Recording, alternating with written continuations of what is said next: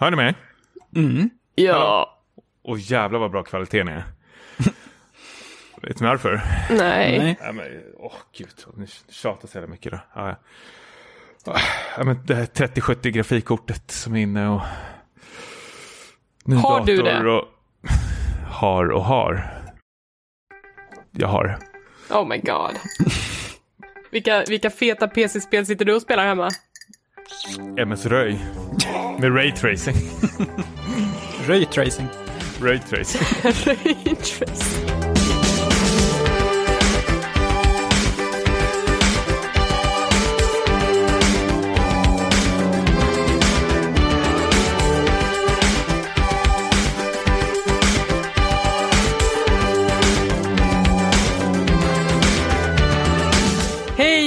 välkomna till Späckat, en podcast om spel och allt runt omkring. Det känns som att vi kanske behöver revidera det här introt någon gång i framtiden. Vem vet?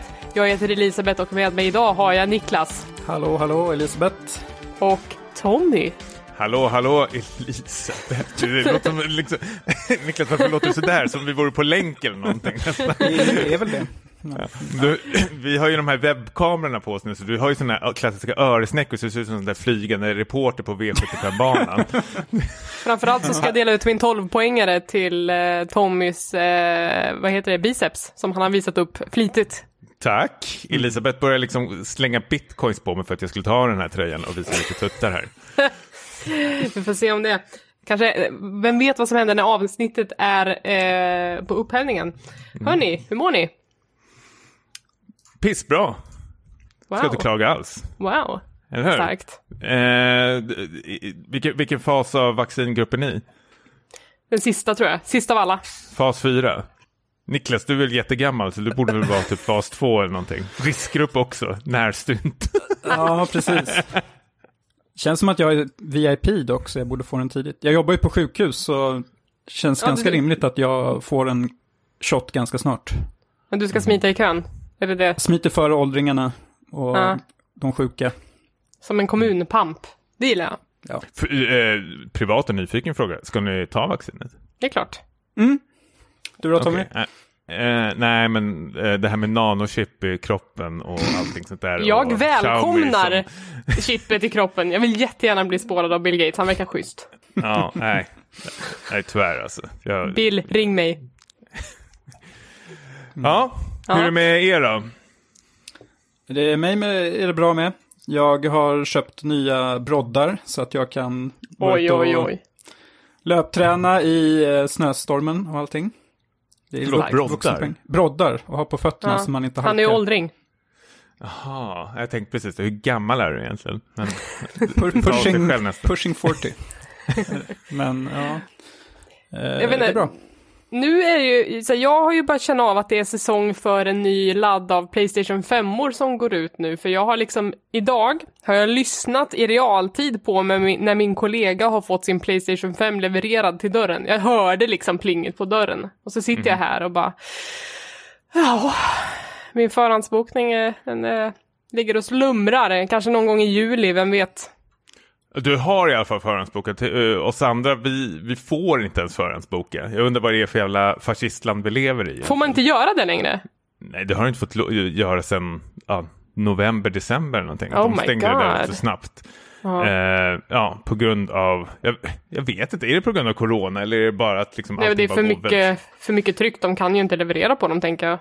Fast Eh. jag, jag lyssnade på någon podcast eh, och jag, jag kan ju hålla med eh, honom där att han var lite så här att jag fattar ju själv att det är många före mig och man inte var liksom först på tåget. Jag vill bara ställa mig i kö och sen låta det liksom rulla fram, framåt. Jag Mm. vill inte sitta och gå in på en jäkla hemsida och trycka på update-knappen. så jag har varit så jävla förbannad för det här. För nu har jag suttit sedan november och tryckt på F5 på några jävla 15 olika hemsidor. Eh, och, och, och det har inte hänt någonting så jag gick och köpte en dator istället. Ja. Snyggt. Ja, tack. och nu är frågan, behöver man ens Playstation 5, Elisabeth? Det finns ju en eh, rad av PC-älskare som kommer säga till dig att nej, det gör det inte. Eh, och så här, jag hade den ju i två veckor när jag skulle recensera den och den är ju fet och det var ett steg upp ifrån PS4 men det är ju, finns ju liksom inga spel till den som är exklusiva just nu så att jag tror att så här, egentligen gör det inte så ont att vänta men det, man känner ju också trycket när man ser att alla runt omkring en börjar liksom få den i, på sin jävla tv-bänk och skyltar med den liksom. Mm. För grejen är, jag, jag, jag älskar eh, nya prylar och bara vill ha det. Men jag vet inte hur många liksom, så här, prylar jag har köpt och så har jag liksom, ja men SNES Mini är väl ett jättebra exempel som man har köpt hem och sen har man liksom så här, pillat lite på den. Sen har det inte hänt någonting på flera eh, år tills jag börjar bricka den bara för skojs skull. Det får man säga det här. Ja, titta. Nu håller Niklas upp någon sån här eh, ja, Ja, någonting. SNES Mini. SNES Mini. Ja, vi, vi har alla gjort det här köpet, låter det som. Ja, och då var jag lite kaxig med Playstation 5 och sa så här, "Äh, men jag, jag väntar och jag, jag behöver inte hänga på låset där. Men sen, precis som du säger Elisabeth, så börjar alla de här bilderna och folk, eh, alltså det börjar liksom trilla in fler och fler och man märker hur glada alla är. Och då tänker jag, "Äh, men nu, nu vill jag också ha en. Jag har ingen bra anledning till liksom varför jag ska ha den. Jag vet inte vad jag ska spela. Det här jävla robotspelet verkar ju jättetråkigt, även fast folk eh, hyllar det. Jag vill, bara, Nej, känna, det är jag bara vill bara en- känna på det. Det är bara en demo av handkontrollen, det är inte jättebra. Nej. Eh, och vad skulle jag säga med det här? Just det, men då köpte jag den här skit... Skitdyra. Men jag, köpte, jag köpte en helt ny eh, eh, dator och eh, laddade ner det här Immortals Phoenix Rising-demot på PCn och kopplade in det till tvn. Jag försökte vara lite smart här. Men även fast jag har en eh, jättespäckad dator, 3070 grafikkort och allting och kopplar in det till min eh, 65-tums-tv så går ju frameraten ner som bara den. Alltså då är jag nere i 30 fps istället för om jag ska spela på en monitor. Just då det. kanske jag kommer upp i 70. Så där sprack ju det. Jag måste ju ha en konsol nu. Ja, ja. ja, vi får väl hålla ut liksom. Eller så får du fortsätta att hamra på FM när Elgiganten kör lotteri. Det... Mm, ja, jag har skickat in. Du har gjort det? Ja, ja, okej.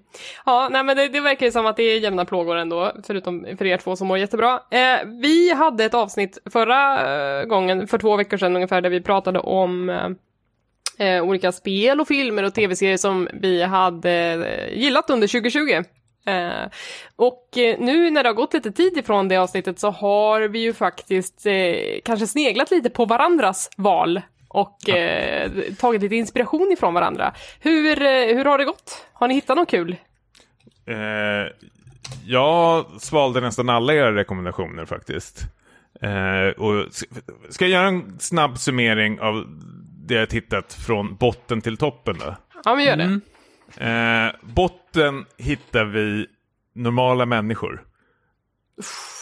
Ja. Men Ja. jag kan förstå att man inte gillar den också. Kan, äh, ja, jag, jag vet inte. Jag tyckte inte boken var så jättebra. Jag tyckte serien var snäppet bättre faktiskt. Men eh, jag vet inte, det är för långsamt. Alltså, De är ju trista som fan de här två huvudkaraktärerna som bara håller på och ältar fram och tillbaks om sina känslor.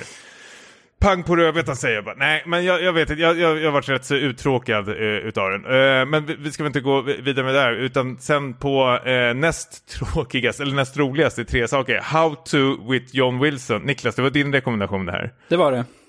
Eh, Fem Va- plus skrek du rakt ut. ja, det, det låter som något jag har sagt. Ja. Kort och gott, för, bara för att friska upp minnet hos folk. Det är, eh, vad är det? Dokumentärserie där en kille som går runt, ah, det är ju synd om honom, han går ju runt med sin kamera och bara filmar New York och sen försöker han liksom så här ah, i redigeringen sätta ihop någonting eh, kontextaktigt. Och lyckas. Jag vet, det är toppar och dalar. Det är inte alls dåligt. Är ja, he- helt okej. När det är roligt så är det roligt. Jag kan hålla med om det när han träffar massor med domare och sånt. Så blir det ja, det har jag skrattat på direkten. Har du, har du hunnit titta på det här Elisabeth? Nej, inte alls. Jag tittar mycket långsammare än vad ni gör känns det som, så jag har inte hunnit med lika mycket. Däremot så spelar du mer än oss. Ja, det är sant. Ja.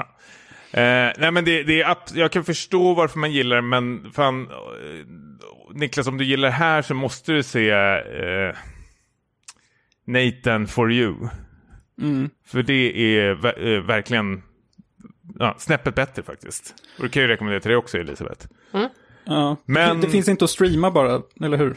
Nathan for you. Det är väl det som är nackdelen i dagsläget. Nej. Det kanske går att lösa. Det, ja, come on man. Kom on. Fan. Visa dina hacker skills nu. Ja, vi får se. Kanske. Mm. Men däremot Paradise Killer, eh, Elisabeth, det var ju du som hade med det här på Mm. eh, topplistan. Mordmysteriespelet. Precis, det är när man kastar sig in eh, på någon ö och ska lö- lösa något eh, massmord eh, är det till och med eh, som man ska lösa. Och det fullkomligt älskar jag. Spelar, jag väl kanske sex timmar in skulle vi tippa eller någonting sånt där och verkligen, eh, ja men det, det är gå, gåshud. Jag tror säkert om vi skulle haft vår topplista så skulle det här och 13 Sentinels komma väldigt, väldigt högt faktiskt. Skulle backstabba Niklas dubbelt i ryggen. Dubbelt upp.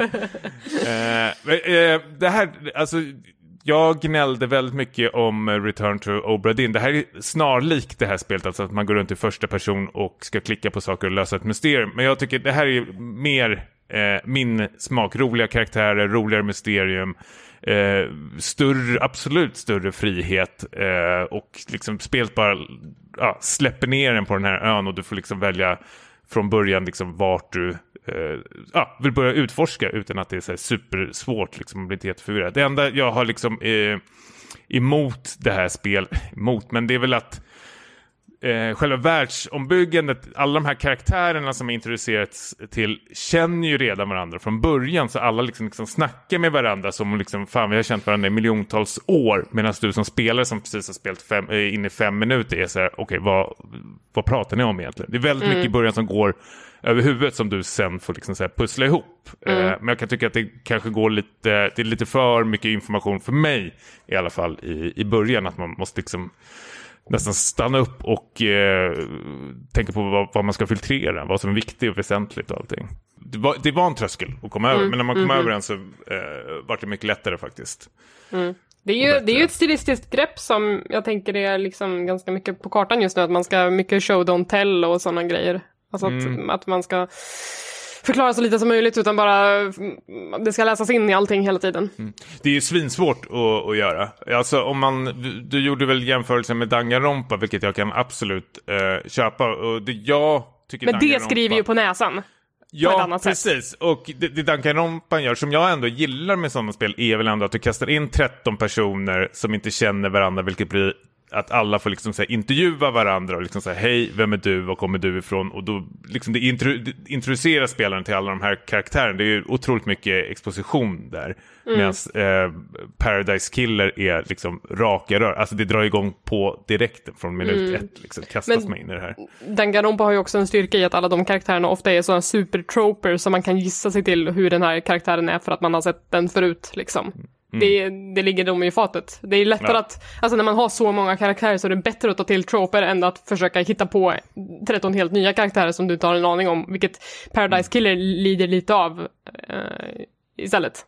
Ja, nej, men jag gillar det Paradise Killer eh, försöker göra och det lyckas väldigt mycket. Men det är som du säger, det är väldigt svårt att gissa att eh, Dr. Dumjas är en kirurg eller läkare. Det, har du märkt att eh, de manliga karaktärerna, jag tror det är ingen av dem som har tröja på sig. Alla visar ju bringan, hela tiden. Precis som jag. Ja, just det. Det är därför ni har mig här. Det är ett roligt karaktärsdesignsgrepp man använder på steken, tycker jag. Ehm, hade du något mer på Tommy på din lista? Eller var det Nej, men jag tänkte bolla över till er två nu faktiskt. Nu har jag fått hyllat och sågat lite. Mm, eh, ska jag köra härnäst då? Eh, jag såg Tenet. Eh, och- jag kände inte jättemycket för den. Jag är inte ett Nolan-fan, jag är inte en cineast. Jag, ehm, jag, ska, jag ska säga att det kändes som att Nolan bara ville ha en ursäkt att göra en jävligt ball film. Alltså det, det, allt är ju väldigt ballt bara. Men det betyder inte att det var, det var kul att följa och försöka pussla ihop det här för den, den skull. Men, eh, men jag kan ändå, jag, jag kan beundra en person som bara vill göra en ball grej för ballhetens skull. Eh, det är kul. Men du hade ju helt rätt Niklas i att den var väldigt högljudd. Man fick ju skruva ner ljudet på, på högtalarsystemet. För det dundrade i hela huset. Jag tänkte att du satt och hyschade liksom. Ehm, sen så har jag börjat kolla på Cobra Kai efter eh, Tommys rekommendation. Eh, den här Karate Kid-uppföljaren i serieform. Och den är ju supercharmig verkligen och som du sa, man missar ingenting av att inte ha sett Karate Kid-filmerna på 20 år. Det går bra ändå. Man Eh, kanske gör sig själv en tjänst till och med. och Kanske till och med. Eh, jag är bara så fascinerad över att så här, ni vet hur det är med, med sådana här one-hit wonders barnstjärnor och så, och så återbesöker man dem när de är 50 och då är de inte nödvändigtvis bra på det de gör, eller de kanske aldrig var bra på det de gjorde någonsin. Eh, men jag tycker ändå att både, eh, vad heter han, eh, Sabka och, eh, vad heter han, Dimacchio, nej, Macchio. Eh, Ja. de, de gör ett bra jobb. Alltså det, är- det är inte så att de har... Det är inte cringe att titta på dem, som det skulle kunna ha varit. Ja, men det är väl medve medvetet cringe. Alltså det, det Ja, en, sjukaste- god, en bra nivå. Ja, ja men precis. Eh, det sjukaste är ju att han är ju äldre än Miyagi nu. Än vad han var när, liksom, ja, du fattar själv, i kara- första Karate Kid-filmen. Ja. Jag tror han är Ja. 57 år gammal.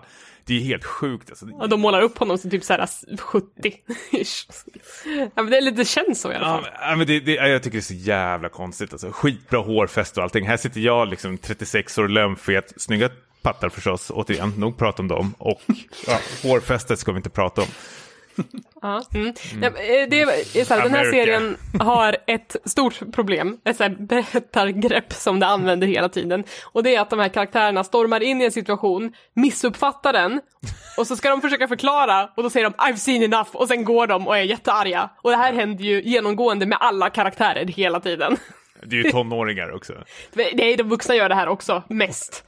Ja, men är de inte väldigt barnsliga? Det är väl det som är så kul. Det är väl, det är väl lite den här South Park-kritiken också. Att liksom, det, det känns ibland som att de vuxna är väl mer barnsliga än själva barnen här. Liksom. Ja, ja det är de. Eh, så, jag vet inte, jag, jag, jag gillar ju det väldigt mycket. Tycker det är charmigt ändå. Eller de lyckas med det.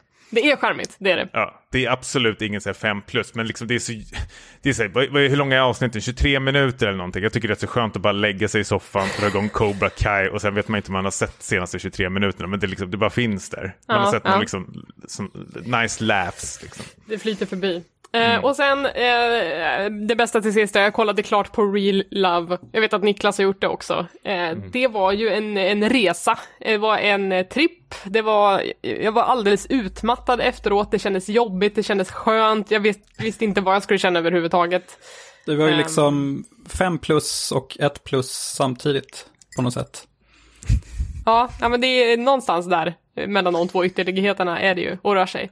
Ja. Ah, nej, det var, det var otro, otroligt. Jag, jag såg någon eh, meme på, jag vet inte om det var Real Loves subreddit eller om det var Terrence House, men det var väl något liknande. Terrence House teach me to love, Real Love teach me to hate eller något liknande. de, de är ju som starka kontraster till varandra de här två eh, reality-serierna. som egentligen i grund och botten handlar väl om samma sak, ungdomar som försöker ja, hitta kärleken. Och en 40-åring. Och en 40-åring, Niklas. Ja. Jag måste, jag måste bara näm- nämna, alltså Real Love, för de som inte hörde det, är ju eh, dating-serien där alla deltagarna har en mörk hemlighet. Men den mörkaste av dem alla är ju den manliga programledaren. Det är en duo då som programledare här. Och jag kände att jag blev så fascinerad av liksom hans karaktär på något sätt, så jag var tvungen att kolla upp hans bakgrund lite och se vad, det, vad är det för typ egentligen. Och det jag fick reda på var att han, han har bland annat gjort lite så här röstskådespeleri. Han har haft rösten som Bart i Simpsons-filmen. Alltså den japanska rösten då förstås. Inte i tv-serien dock, bara i filmen. Men det han verkar vara mest känd för det är sådana här elaka liksom, humorprogram. Där bland annat där han och hans kompis liksom försöker sätta dit eh, folk liksom så att de är otrogna mot sin partner. Och sen så filmar de det liksom och sätter, ja. Det, Ja, men Aschberg liksom. ja, häng med. Det har, han ju, det har han ju tagit med sig in i... Omvänd trolljägarna. Precis. Det har ju tagit med sig in i Real Love. Och ju mer man läser desto mörkare blir det också. För den kvinnliga programledaren, hon har ju tydligen, hon är ju så här idol, före detta idoldeltagare. Ja, hon har varit med i tydligen- Morning Musume-gruppen, den är en stor supergrupp på 1900-talet. Ah, okej. Så pass till och med. Och det, det jag också läste mig till var att hon har varit med i någon sån här otrohetsskandal. Där hon var otrogen mot sin partner då. Och i, under den här seriens gång så den manliga programledaren, han eh, ger ju liksom så här henne pikar lite då då. Ja, här han bara, pikar henne för det. jag, jag vet att du säger besatt av sex, men kan du bara liksom lugna dig nu när vi pratar med deltagarna, tror jag han säger någon gång. Och hon sa bara, ja, ja, typ så här. Så han, han shamear ju henne rejält också, precis som han gör med flera av deltagarna. Och det, var, det jag vill säga med det här var lite att så här, jag tycker synd om deltagarna som liksom råkar ut för honom, men samtidigt, han är ju uppenbarligen hyfsat känd i liksom sitt hemland och um, de borde veta vad de ger sig in på när de liksom ska vara med i en datingserie som han är programledare för. Eller vad tycker Mm. ni? Tycker ni att de får är det naivt av dem att liksom komma in där och tro att de ska liksom visas i, sina bästa, i sitt bästa ljus? Mm. I, i, I samma argument du använder med tjejer med korta kjolar också. Men det, det fanns ja. någonting i den här serien som jag tyckte var ganska uppfriskande. Jag vet, mm, jag vet inte om ni minns att, eh, det, det, är en väldigt svag jämförelse jag kommer göra, men Filip och Fredrik hade ett datingprogram som mm. utspelade sig i Värmland. Där de, det var så här, ja det här är den mest singeltätaste eh, regionen i Sverige, eh, så vi kommer hjälpa x antal personer här att hitta kärleken. Och den serien ballade ju ur i att typ så här, en person började dejta någon annan som inte alls hade med serien att göra, en person startade en stödgrupp för kvinnor som hade varit ihop med porrmissbrukare, alltså det bara ballade ur, det blev inte alls någon dating av det överhuvudtaget. Och det kändes lite som att Real Love hade lite samma frihet, att jag tror inte att de tvingade någon att göra någonting, för att det finns en ganska stark scen i, framåt slutet av, av säsongen där han säger till en tjej som, hon säger öppet att jag är inte så jävla sugen på någon av de här killarna, och då säger han, men då tycker jag att du ska dra härifrån för att då, då han som programledaren? Ja, alltså. programledaren säger det till henne, att då slösar du på allas tid, och förvisso så är han väldigt hård när han säger det här mot henne, för hon blir väldigt ledsen, uh, men det, det, jag vet ju inte hur det ser ut bakom kulisserna men det verkar ju som att de har en möjlighet att gå. Och det var ju flera av deltagarna, säger de i första avsnittet också, som valde att inte delta och ställa upp från början fast det var tänkt att göra det. Um, så att, eh, det känns inte som att de är tvingade att vara där. De, de letar ju efter någonting. Tvingade är, är de inte, men de är väl rädda mer kanske att tappa ansiktet och eh, ja, bli, göra sig till narr eller någonting. För liksom det, klimatet i Japan, både för forummässigt, alltså deras motsvarighet till Reddit, eh, alltså det här med hot och förlöjliga kändisar och sånt där har ju liksom spårat ur så rejält att liksom folk tar livet av sig. Vi såg väl det senast nu i eh, Terrence House till exempel. Eh, Terrence House av... är ju 100% förstört för mig nu. Jag kan inte titta på den serien längre efter det, vad som hände med den deltagaren. Ja, men det säger väl rätt så mycket om eh, själva klimatet i, i Japan. Alltså jag som har bott och levt där i 5-6 år eh, har ju sett på nära håll att det, den här lyteskomiken är, är ju helt otroligt. Alltså när folk gör bort sig är ju bland det bästa som finns. Men när du själv gör bort sig så är det fan det värsta, pinsammaste grejen som finns alltså egentligen. Eh, bjuda på sig själv, visst finns det, men eh, till en viss gräns. Det, det jag gillade med det här programmet väldigt mycket var väl att jag kanske inte hade kontroll på mina eh, känslor, vad jag tyckte om de här karaktärerna. Att, eller ens egna känslor vändes upp och ner. Eh, jag var helt säker till en början av programmet att jag hade valt ut mina favoriter. En lugn IT-tekniker som är supertrevlig eh, och formell. Sen sitter det någon som är, han är väl kvinnohatare eh, rakt upp och ner. Ja, inte eh, IT-tecknaren utan en annan kille som är det. Ja, men precis. Mm. Två olika killar här. Och ena tycker jag väldigt mycket om IT-teknikern och andra ja, hatar jag för han är ju rätt så vidrig eh, mot någon eh, tjej som eh, ligger, har, vad är hennes hemlighet? Hon har legat med massor mass med atleter eller vad det är. Sånt mm. där. Då blir han väl eh, slatt-shameat blir väl hon eh, framför andra deltagare. Och då tänker man det här var inte så superfräscht. Men sen börjar det liksom krypa fram liksom hans hemligheter, liksom hans bakgrund, var han kommer ifrån. Det är fortfarande liksom ingen anledning till varför han beter sig. Alltså, man kan ju söka hjälp och allting om det, men man, han, är med, han har ju varit med om någonting väldigt, väldigt mörkt och hemskt. Så mm. man fattar ju att han kanske, alltså psykiskt så mår inte den här killen så jätte, jättebra faktiskt. Och det är mm. väldigt många andra på, personer på den här ön som det är någon annan tjej som också haft eh, en eh, rätt så trasig bakgrund eh, och, och legat runt och dejtat massor med eh, killar och är väldigt ung och blivit utnyttjad. Och helt plötsligt är det någon som sätter sig bredvid henne och börjar prata. Liksom, han, han sätter sig och lyssnar bara så hon får prata ut. Och liksom, det har inte hon gjort på flera år känns det som. Och bara ja, brister ut. Den är väldigt fin på det sättet kan jag tycka. Mm. Att um, uh, ja, de här karaktärerna ändras ju väldigt mycket. Faktiskt. Ja, men sen när, de får, när de får berätta om sin mörka hemlighet och sitt trauma, liksom, då mm. märker man ju dels på hur de själva blir när allting är liksom, när de inte behöver gömma på någonting längre. Då blir de dels lite av en annorlunda person, men också i hur de andra börjar behandla den personen. Att det uppstår alltid ett skifte när någon berättar sin ja, grej. Men, alltså jag var skitnervös när den här eh, snubben, alltså kvinnohataren, började dejta den här transpersonen. Som man visst, den här personen skulle komma ut som det så trodde jag att nu kommer han väl löpa mok eller någonting, bli tokig för det. Men ja, han var ju jättekär i den här personen. Vilket också är, ja. Lyckligt eh, slut. fint. Lyckligt slut, men han är ju väldigt hemsk. han har ju mörkret kvar fortfarande. Är ni nöjda över uh, Real Love? Om jag är nöjd med programmet i stort? Ja, men också, hade, hade ni en resa? Ja, det hade jag. Man drogs ner i mörkret ju mer man tittade.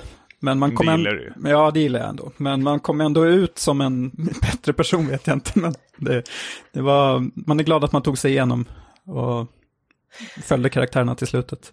Det står på TV Time att den är avslutad, att det blir inget mer Real Love och det kan jag tycka är skönt. Jag skulle Ja. nog inte kunna stå ut med en säsong till av det här. Svårt att toppa också. Ja, dessutom. eh, Niklas, hade du något mer uppföljning från förra gången? Eh, nej, Nej, då stannar vi där och går vidare till blicka framåt, framtiden, nutiden.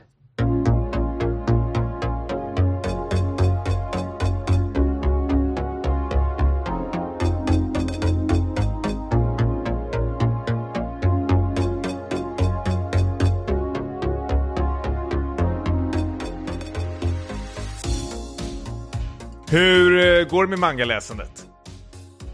Eh, det var länge sedan. länge sedan. Jaha, okej, vad då? då? Ja, men jag hade ju en väldigt, alltså som tonåring, jag la ju alla mina pengar på manga hela tiden. Är inte du tonåring fortfarande? Ja, kanske är. Eh, alltså jag la alla mina pengar på manga. Men eh, sen så blev det för mycket. Det blev manga overload och sen så la jag ner ganska länge. Nu har jag faktiskt börjat samla på Jojo's Bizarre Adventure i en inbunden jättefin upplaga. Men eh, that's it. Jag har försökt sätta mig in i den mangan och animen, men fattar inte var jag ska börja. För helt plötsligt är det någonting, det är ändå från 80-talet, eller hur? Vilket Det är, är- superförvirrande för mig och jag vill inte ens, ja. Mm, det kanske blir det en, läskigt. eh, blir en Jojo-guide i ett kommande avsnitt kanske. Det skulle jag behöva, för jag försökte göra det på Reddit och det gick åt helvete. Alla bara ja, kastade över rekommendationer. Hur som helst så har jag och eh, några vänner startat en eh, mangacirkel. Vi fick pepp. Vi började eh, damma av våra mangaböcker och eh, det är väl några så här små regler vi har till den här eh, mangacirkeln. Det måste vara en manga som är avslutad och den får inte vara liksom på tok för lång. Den får inte liksom spanna över tusen kapitel. Jag vet inte om det finns någon än som gör det som är helt avslutat. Jo, det måste finnas flera stycken. Några, Hur- tror jag. Ja, precis. Och eh, den första som vi eh, börjar läsa igenom är eh, Gantz eh, faktiskt. Har ni, känner ni till den här? Den finns även som filmatisering och eh, både som live action och eh, animerad. Men den börjar som manga och är helt avslutad för fem år sedan kanske. Någonting. Alltså jag har hört namnet flimra förbi under årens lopp men jag har aldrig, jag vet inte ens vad det handlar om. Jag eh, dansade över, jag frågar inte ens dig Niklas för du hatar väl allt som kommer från. Japan. nej, ja men lite så är det. ja, manga, ja, nej men berätta, det, det kanske är jättebra.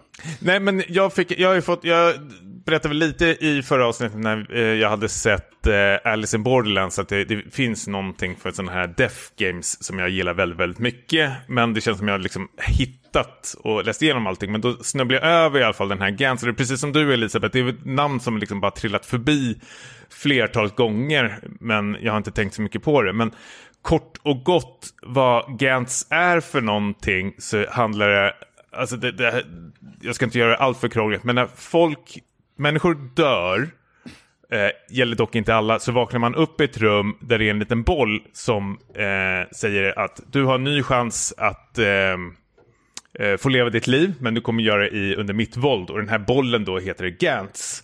Och den skickar iväg de här människorna på uppdrag som har en eh, timme på sig att döda immigrants, det vill säga alltså utomjordingar då. Okej, okej. Alltså, Tänkte, nu är det något igen. Ja. Ja, eh, om ni tyckte att det var jobbigt så vänta bara. Ehm, för då är det ju eh, utomjordingar då som har immigrerat in till eh, ja, vår planet och bor här. Och då ska de, har de en timme på sig att leta upp dem och eh, avrätta dem. Och den här, det här är ju egentligen bara början på den här serien och som eh, ballar ur eh, rätt så rejält. Jag tycker ibland det sjukaste jag läst, alltså den är så här helt otroligt snyggt. Alltså den illustrationen påminner väldigt mycket om så här Berserk och allting. Som, alltså den är väldigt, väldigt, väldigt välgjord. Men jag har väldigt svårt att veta om den här författaren är eh, misantrop eller om han är typ... Eh, eh Jag vet inte om, om, det, om det är någon slags samhällskritisk eh, vinkel han försöker ta på det. För det är väldigt mycket eh, naket, det är väldigt mycket tuttar, det är väldigt mycket våldtäkt. Eh, I en scen är det en kille som eh, avrättar massor med människor i, det är en massaker som pågår i Shinjuku och för att han inte ska liksom avslöja vem man är så blackfacear den här killen sig själv. Alltså han målar sig själv som en eh, afroamerikan och går runt och avrättar massor med människor för att inte han ska bli igenkänd. Eh, och eh, redan på Reddit så är det ju massor med sådana folk som eh, håller brandtal för det här, varför han gör det och allting sånt där. Men det är f- De som, ska försvara det liksom. Ja, precis. Men det var ju som någon skrev också så här, varför satte han inte bara på sig en mask då om man inte vill bli igenkänd? Ja. Men den tar ju väldigt mycket eh, sådana här steg. Alltså den, den, är, den, den är skitbra, men man vet, alltså, det som är väldigt så här, läskigt med den här mangan, som är, den är otroligt våldsam, den är eh, det är barnmisshandel och återigen det är våldtäkter, det är, det är armar, lemmar och allting som flyger. Alltså det är så mycket shock Man- value. Ja, absolut. Alltså jag har ju varit med om flera gånger att jag har liksom fått lägga den lite åt sidan för att det blir too much. Men den, den har någonting, den, den, den har en page turner, alltså den är skitspännande och man vill veta vad som händer härnäst. För att den är så brutal och eh, oförutsägbar eh, faktiskt. Men Eh, följer den liksom en huvudperson eller är det flera huvudpersoner? Alltså det, den, det är flera huvudpersoner eh, faktiskt. Eh, och alltså grejen är att när du har klarat av de här uppdragen så får, ger den här bollen Gantz då de här eh, människorna poäng. Och om man samlar 100 poäng så får man välja om man vill komma tillbaka till livet. Eller om man vill återuppliva någon eller om man vill ha ett starkare vapen till kommande uppdrag. Och vissa gillar ju det här och vill bara leva kvar i den här grejen att eh, fortsätta döda. Medan andra som har liksom kommit tillbaka till livet börjar liksom länka, längta tillbaka till den här eh, världen. Att fan, eh, jag vill komma tillbaka till Gans. Och då tar ju folk livet av sig i förhoppningen att de ska vakna upp på Oh den här god, bollen. mörkt.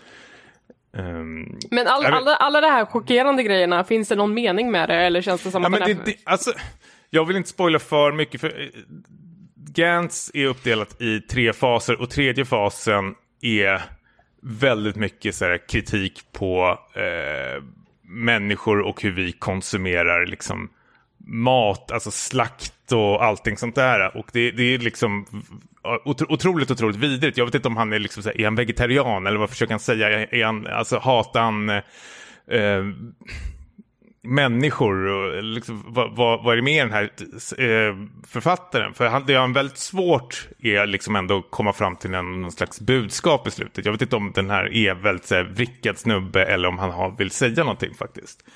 Eh, jag har inte hittat några intervjuer eller någonting med honom. Jag försökte läsa, men jag hittade en annan manga med honom där det handlar om en tjej som har stora tuttar i 15 volymer. Så han kanske bara är väldigt weird. Jag tror den heter så här Giant också eller någonting sånt där. Okej. Vilket säger rätt så mycket.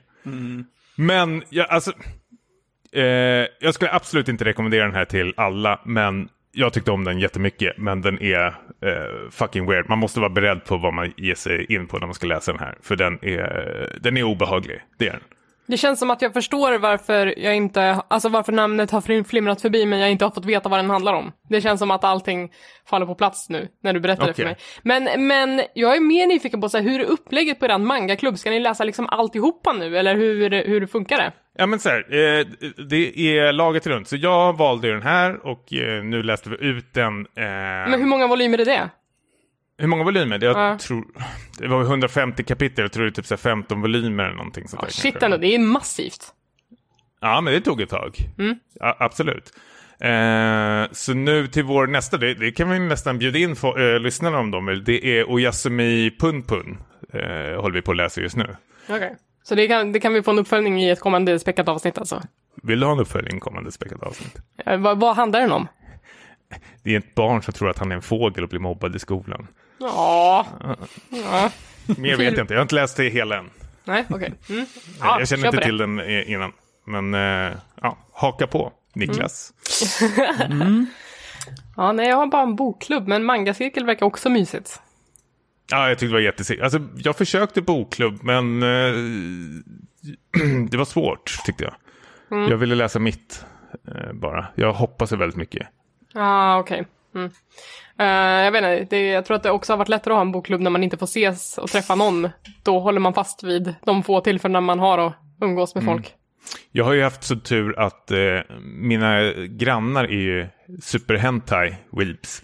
Så de har ju mangaklubb med mig. Mm, Så vi går ut och promenerar och pratar om det. Ja, mysigt. Bra, bra setup.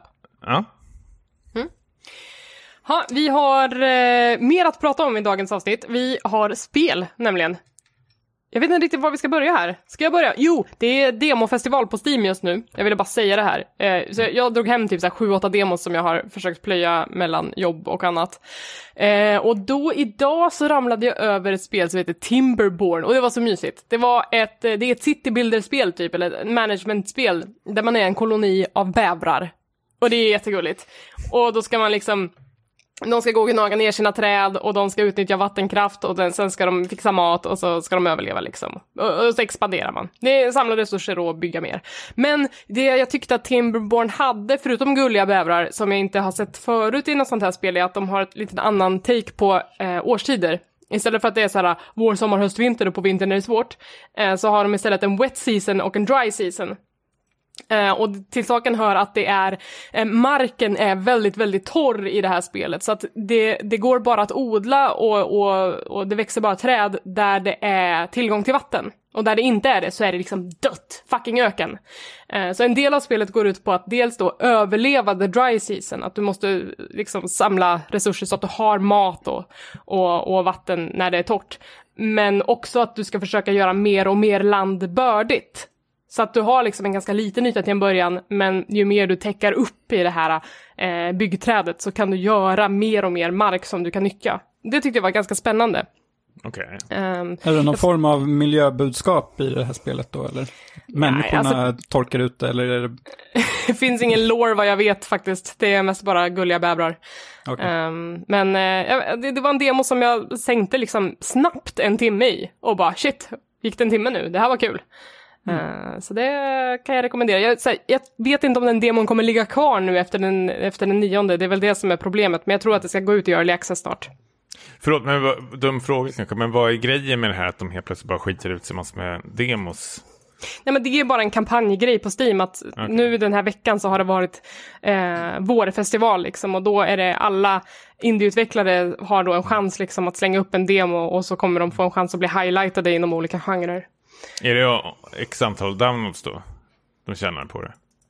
Tänker jag. Eh, nej, det de är ute efter är ju att bli wishlistade. Det, den viktigaste valutan som en indieutvecklare har är ju wishlist.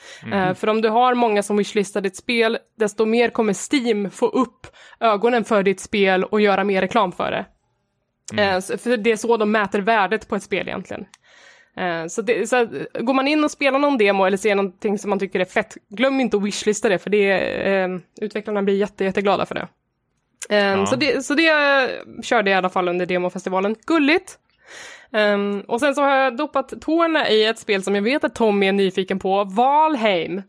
Eh, Ja, svensk precis. utvecklat survival-spel som ges ut av eh, Coffee Stain Publishing. Jag och några vänner trillade över det här lite snabbt. Jag, jag vet knappt någonting om det, men det lilla jag läste, var, läste men det lilla jag tittade var, känns som, du får rätta mig jättegärna om jag har fel, men något, alltså, Elder Scrolls möter Minecraft. Hej då! Ah, nej, men Elisabeth jag är inte helt, nu. nej, inte helt fel ändå.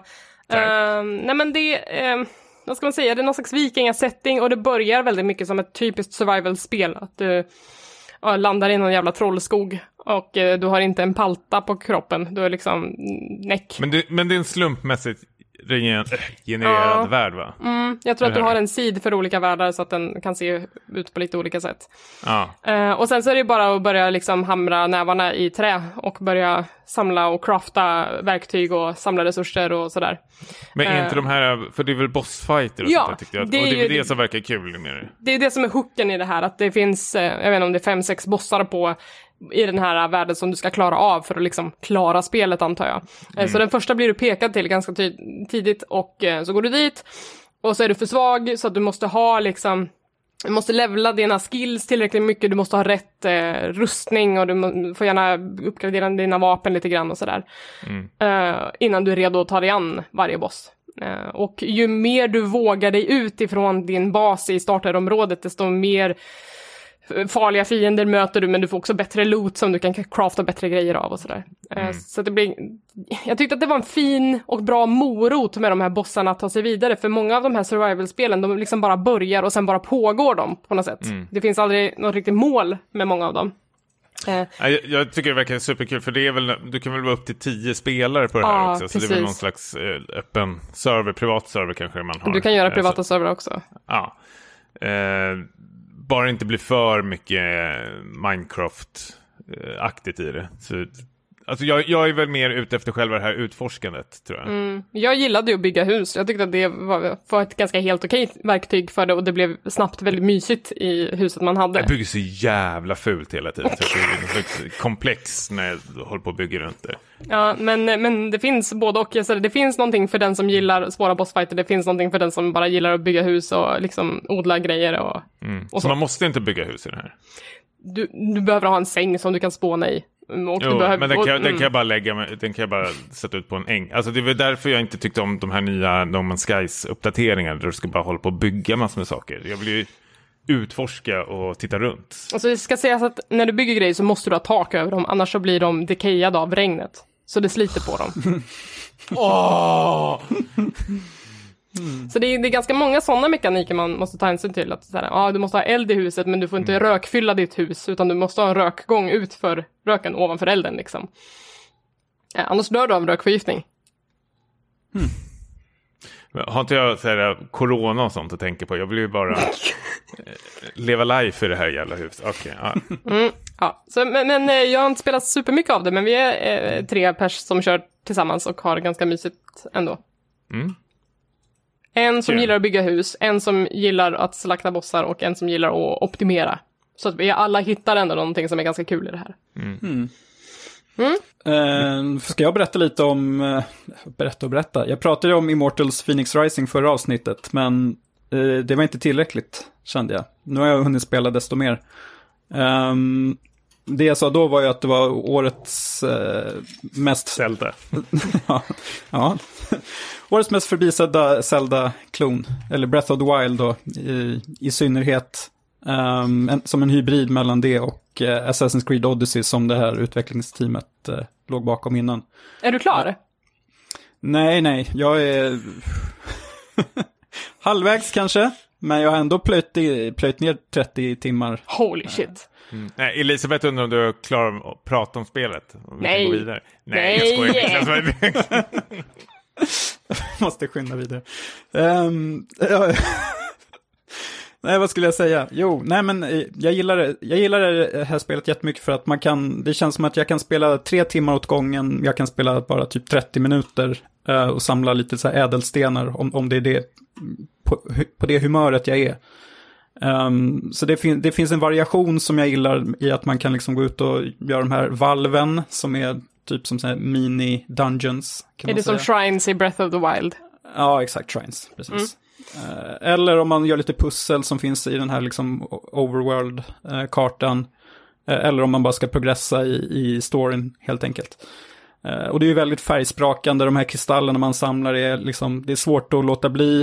Eh, det är ju de man liksom brygger potions av och, och om man gör uppgraderingar och sånt. Så det, det finns alltid någonting att samla och något att, att göra. Eh, och humorn som jag nämnde förut har jag börjat liksom komma in i lite mer. Mm. Man märker att det är, när man liksom koncentrerar sig lite på vad de säger så är det väldigt mycket så här äh, sexanspelningar. Eh, liksom vuxenhumor fast med liksom eh, tecknad grafik. Så det, det kan man ju säga vad man vill om, men eh, jag diggar det. Jag Men är det här liksom Pixar-versionen av Hades? För det är ju också så här, grekisk mytologi och sexskämt. Ja, men lite så. Disney gjorde väl en Hercules-film för massa år sedan som var, var ganska kul också. Kanske inte så mycket sexskämt, men Pixar har väl en bättre jämförelse. Men vadå, om man Eh. ser om Hercules idag så tror jag att vi skulle hitta undertoner som man Det- inte märkte då. Det, det, det tror jag säcket. Det har du helt rätt i. Är det Lejonkungen där de skriver sex med blad? När han lägger sig på Just det. klippan. Ja, precis. Ja, det, men inte det och, my, och, så är det väl Lilla Sjöjungfrun när pastorn får bång eller någonting sånt. Ja, men just det där har jag sett. Mm, konstigt. Mm. Pastorn, det tyckte Niklas var kul. Jag måste se om den. Men, men eh, förlåt, jag vet att du Niklas sågade ju rätt så hårt det här um, Zelda-spel, det här Zelda-spel, Breath of the Wild. Mm. Vad, vad är det för något Immortals gör så mycket bättre? För jag hör ju på direkten att det här är ju en kopia. Det är Jag är jättesugen på det här spelet, men jag gillar ju Breath of the Wild. Eh, om man säger så här, alltså det, jag hann nog kanske inte spela det tillräckligt länge för att verkligen få en uppfattning. Men det jag inte gillade alls var ju att vapnen går sönder och att du ska brygga de här, liksom matlagning, mycket inventory management. Tyckte inte kontrollen var jättebra heller. Enformiga fiender. Här har de liksom tagit bort allt det tråkiga och bara velat göra liksom en strömlinjeformad, rolig upplevelse. Ehm, min sambo som inte heller gillade Breath of the Wild, hon tycker, hon tycker dock att det är liksom nästan genant hur mycket de har snott. Alltså Immortals, då, liksom att det här är, man måste ändå göra, hitta på lite själv. Men som jag har förstått det av Assassin's Creed-fansen så har ju Breath of the Wild snott ganska mycket därifrån och att nu lånar de tillbaka. Så det kanske har gått varvet runt liksom. Är det så det funkar? Ja, I guess Det är så det funkar. För, Eh. bara så här, sidospår, har någon av er spelat Genshin Impact förresten? Apropå Ja. Zelda-kloner. Precis, Mm, jag tänkte nej. precis nämna, jag har faktiskt spelat de första två timmarna av Genshin Impact och älskar jag, ty jag tycker det är supermysigt, skitsnyggt eh, är det. Eh, så jag tänkte faktiskt rekommendera det till dig Niklas. Eh, Men det är free to play va? ja Ja. men precis. Eh, men jävlar, förlåt min stol håller på att eh, för, försvinna. Fan!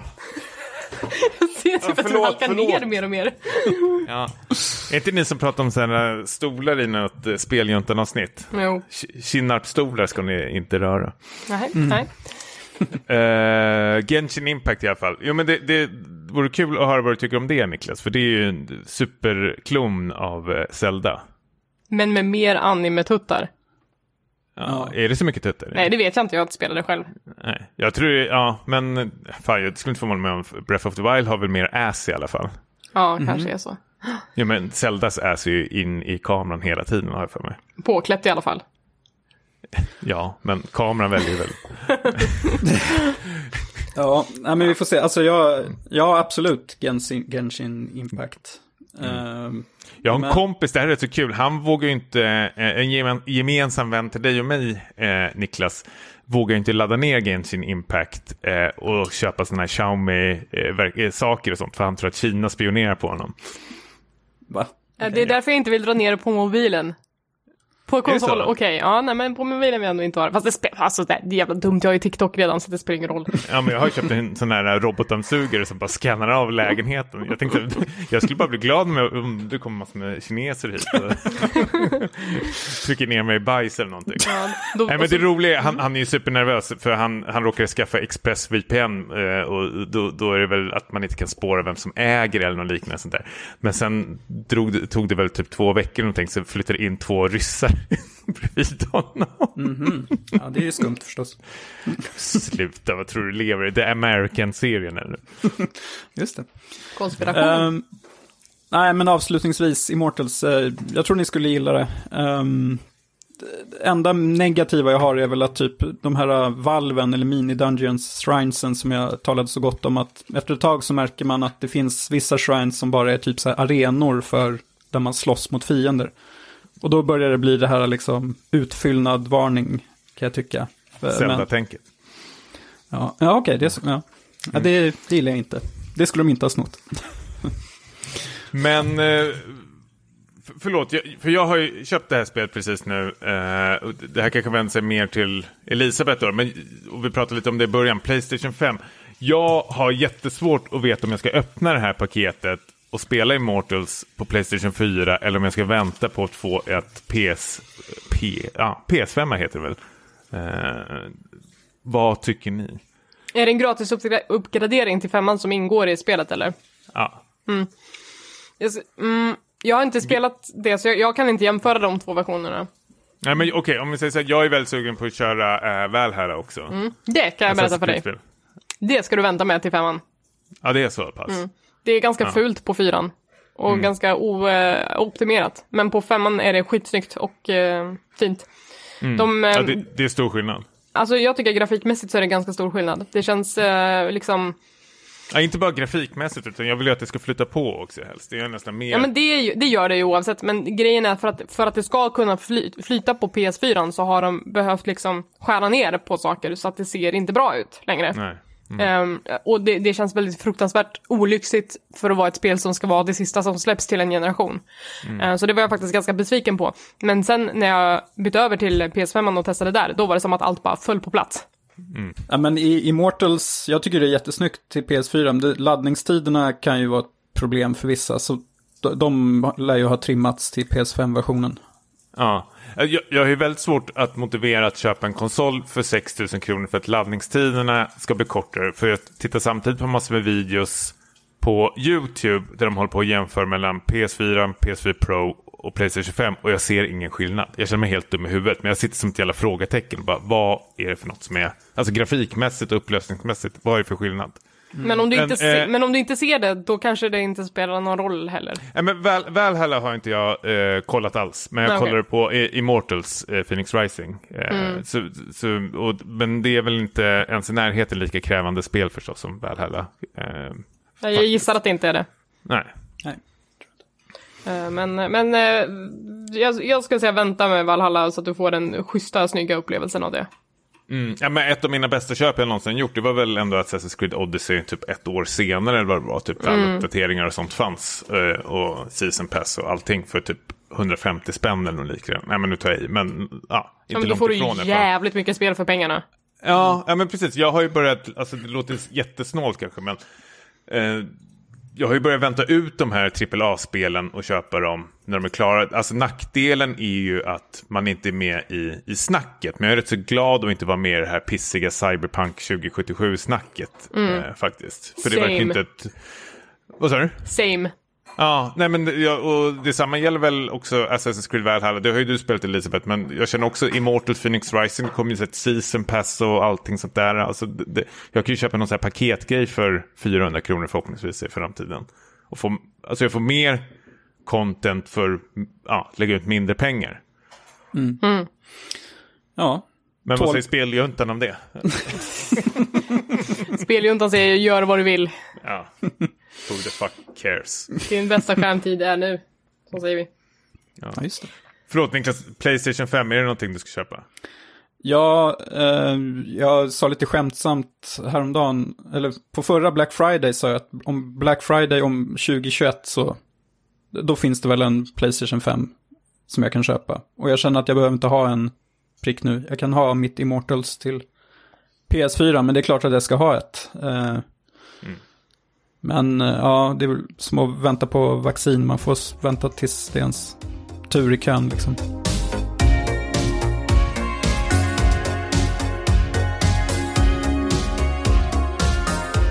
Ja, då har vi en grej kvar på agendan och det är egentligen någonting som jag inte hann eller tänkte på att prata om i förra avsnittet. För det här är någonting som också har tagit mig igenom 2020 jättehårt. Eh, och det är brädspelet Gloomhaven. Eh, här, jag vet att du också har spelat det här Tommy, så du kan väl kanske backa upp mig eh, lite grann på det här. Men det, det är det mest dataspeliga brädspelet jag någonsin har spelat. Eh, man kan spela det från, jag tror det är två till fyra personer. Eh, man har en varsin karaktär. Det finns en story och det finns då ett antal uppdrag man ska ta sig igenom i det här spelet och varje uppdrag är liksom en del av en uh, utgrenande storyline. Så att man läser lite story, sen gör, gör man den här uh, uppdraget som då är att man dungeon crawlar sig genom en bana och slåss med hjälp av en slags kortmekanik. Och sen så är uppdraget klart, då får man lite mer story och sen så låser du upp ett eller två uppdrag till och så går man vidare. Och så håller man på så i all evighet för att det finns ungefär hundra plus uppdrag i det här spelet. Um, så det här är ju ett spel som väger 10 kilo, kostar 1 500 kronor och som tar många hundra timmar att spela. Uh, och vi, vi hade en kampanj igång med två kompisar, jag och Micke, så vi var fyra stycken som spelade ihop uh, för, för ett par år sedan. Men sen när coviden kom, då var jag så här, fuck, det här, vi kommer ju dels inte kunna träffas på ett tag igen och vi vet inte på hur länge det kommer gå. Och dels så kommer vi förmodligen behöva sitta hemma väldigt mycket och inte kunna gå ut och göra någonting. Så det vi gjorde var att vi satte igång en ny runda, både jag och Micke då, vi två. Och sen så har vi haft det som en löpande liksom, aktivitet som vi gör under hela det här äh, karantänåret. Eh, och det har ju varit kanon eh, på många sätt och vis. Men, men Tommy, du spelade det innan pandemin. Eh, ja, men jag hade väl samma problem som dig. Att vi vart också avbrutna på grund av både pandemi och, och flytt. Eh, för det är ett eh, otroligt krävande spel. Jag trodde nästan att vi satt upp, innan vi köpte det så satt vi och planerade nästan i månader hur vi skulle spela det för att få med så mycket komponenter till det här spelet. Alltså jag har ju läst recensioner att det är ett eh, helvete att liksom bara plocka fram det och plocka ifrån det eh, fram och tillbaka hela tiden. Men eh, vi tog över en väns eh, lägenhet och han var bussig på liksom att städa undan sin ja, bokhylla och kök. Så vi använde egentligen det. Allting stod framme nästan dygnet runt. Så det var ju som eh, det var ett smörgåsbord när vi kom hem till eh, honom. Ja, men precis som Elisabeth har nu i bakgrunden ser det ut som. Och det, det, det är väl att eh, rekommendera till det första. Det finns väl sådana här extra saker man kan köpa till det här spelet. Alltså små, vad kallas det för Elisabeth? Men det är väl Inserts. Ja, precis. Ehm, små, precis. små lådor egentligen. Man Ja. Det, det, bygg, det är byggsatser som, som organiserar hela lådan. Så det, det är liksom någon konstruktör där ute i typ Tyskland som har tänkt okej, vad finns det för komponenter i den här lådan? Hur kan vi stuva om dem i olika lådor så att det blir så enkelt som möjligt att ta ut ur lådan och det redan ligger uppstaplat liksom. Men de här insertsen kostar ju typ lika mycket som själva spelet. Ja, det är pissdyrt. Eh, Men återigen, om man är ett gäng vänner så delar man ju på det. Så då kanske man kommer undan med det lite lättare. Eh, hur som helst så älskar jag ju sådana här typer eh, av spel. Förlåt, det, alltså. det finns en, en till administrativ grej med Gloomhaven som också är så här sjukt. Att det tar ju så lång tid att sätta upp spelet och att det finns ganska mycket som ska upp när man ska slåss mot monster och grejer. Så vi har också laddat hem två stycken appar som hjälper oss hålla koll på spelet som tar bort hälften av setupen så vi bara gör det i en app. Eh, Jaha, hur, förklara, för det har inte vi. Eh, nej men okej, så när du slåss mot monster så ska du lägga fram det här lilla kuvertet eh, som är en liten instoppad grej i och sen så ska man stopp- s- lägga Mm, Så ut styrkan på själva monstret.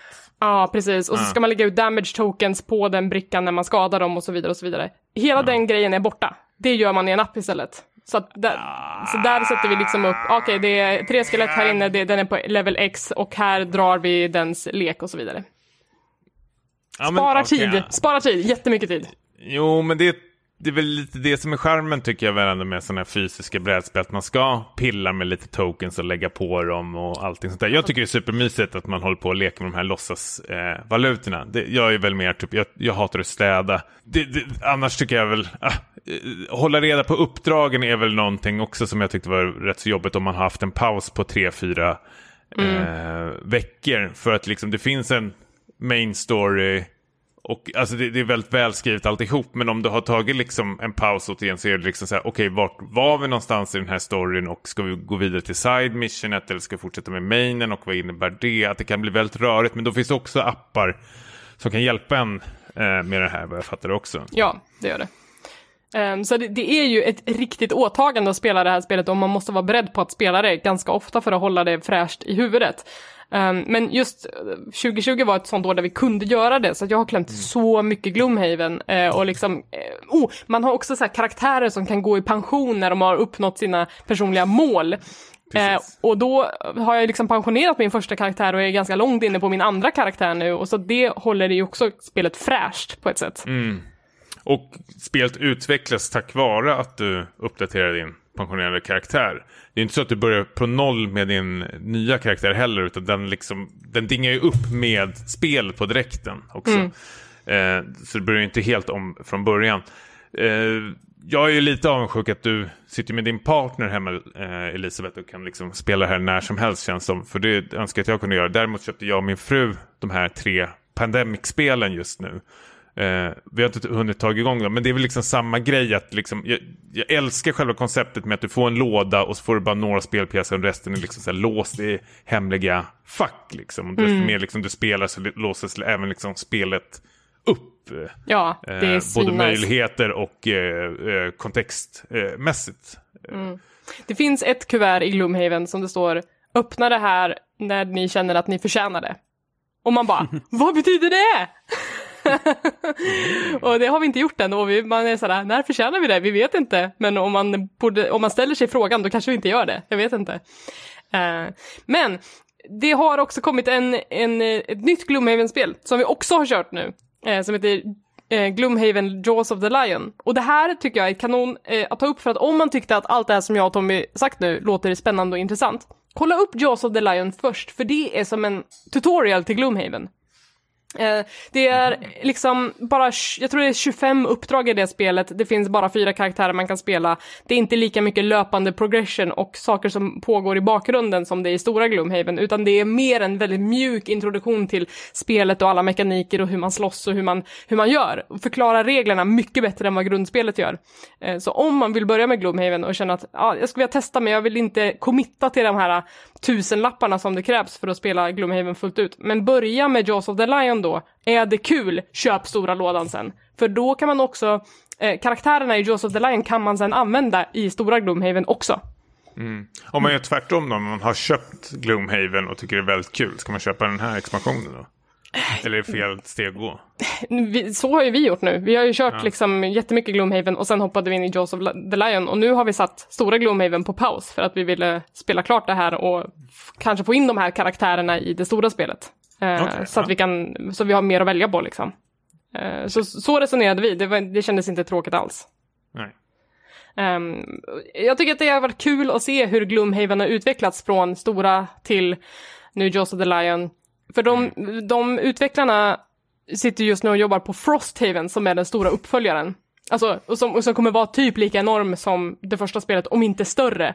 Och det är så kul att se vad de har lärt sig mellan de här två spelen och hur, de, hur mycket de måste ha lärt sig inför nästa spel och hur mycket bättre jag hoppas att det kommer att vara.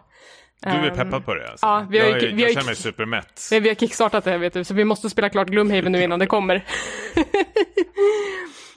ja, nej men det, så det är kanon, men det kräver så mycket av en, men det är så roligt när man väl får till det tycker jag. Mm. Vi ska ju även säga att det här spelet finns ju även på eh, Steam också och, och i någon early access-form. Eh, jag har själv inte provat det men jag är väldigt nyfiken på det och håller tummen att det kommer bli något eh, liknande. Så man kan ju slänga ett öga där också tycker jag. Sen precis innan rekommenderar väl du Elisabeth att det finns väl även som mod till Tabletop Simulator? Ja, och den ska funka jättebra tydligen, så att om man inte kan ses fysiskt och spela det här, men dra, dra ner Tabletop Simulator för alla, det kostar liksom inte alls lika mycket och eh, modden är gratis, så det är bara att köra. Mm. Ehm, så, så det är också en bra testvariant. Niklas, blir du sugen? Eh, ja, alltså om man ska börja så är det väl i, med Jaws of the Lion, tänker jag. Ja. Det känns som ett spel som är övermäktigt för mig annars, men om jag testar det här så kanske jag ändrar mig. Mm, det är, alltså absolut att man ska börja där, man ska inte börja med stora lådan. Det, det är ändå sjukt att man kan svänga så mycket, man bara skit i det där åbäket, ta den här lilla, den är grym. Nice. Ja. Eh, Så jag ville mest bara sjunga Gloomhavens lov, för det är typ det enda jag håller på med när jag inte spelar spel. Typ. Ja men ta rygg på den, verkligen. Ja. Hörni, var det allt vi hade för idag? Eller har ni något att tillägga till protokollet innan vi stänger av inspelningen? Det låter bra faktiskt. Nästa, nästa brädspel blir Fallout eh, Monopoly. Nej, det blir det inte. jag ska spela klart Gloomhaven först, så kanske om två Uno. år. Ja. Nej, eh, men hörni, så mysigt att prata med er igen. ja. Samma. Det är inte varje dag, men mysigt varje gång. Eh, till lyssnarna tycker jag ändå vi kan eh, säga att eh, kom gärna med lite tips eh, om det är någonting ni vill att vi ska prata om. Det här är väl lite nya späcket att vi pratar och känner och klämmer på lite vad vi eh, känner för. Allt från spel, film, eh, brädspel och ja, vet du fan, böcker, vad vi vill. Det vi brinner Men, för. ja, precis. Men eh, vi tar absolut emot eh, tips eller om ni vill att vi ska sagt, prata om Önskemål. någonting. Ja, Ja. önskemål med andra ord. Det är bara Ja. kul tycker jag. Ja, säg vad ni, ni, vill höra. Säg när ni, vi är bra, men säg inte när vi är dåliga. Då kan ni dra. Oj, var det där hiphop? Ja, så är det. Eh, nej men, och om man vill höra av sig till oss så finns vi ju på x antal eh, ställen på internet. Man kan till exempel höra av sig till oss på eh, Twitter, där heter vi späckat. På Instagram heter vi späckatpodd. Eh, vi har också en mail, späckatpodcast at gmail.com. Eh, vill vi också puffa var man hittar oss privat kanske, Tommy? Ja, tänkte säga. Ja, jag vet inte, vad heter jag? Eh, Instagram Stimpas. Ja, så heter du. Ja, Niklas. One Last Niklas på Instagram. Jag heter eh, Hangry Spice på Instagram. Hangry Eli på Twitter. Så där finns vi. Där kan man hitta oss. Mm. Men eh, tack för idag hörni, så hörs vi igen snart. Detsamma. Nu ska jag lägga Risk of Rain på wishlistan. Ja, gött. Hej. Hej! Hej då!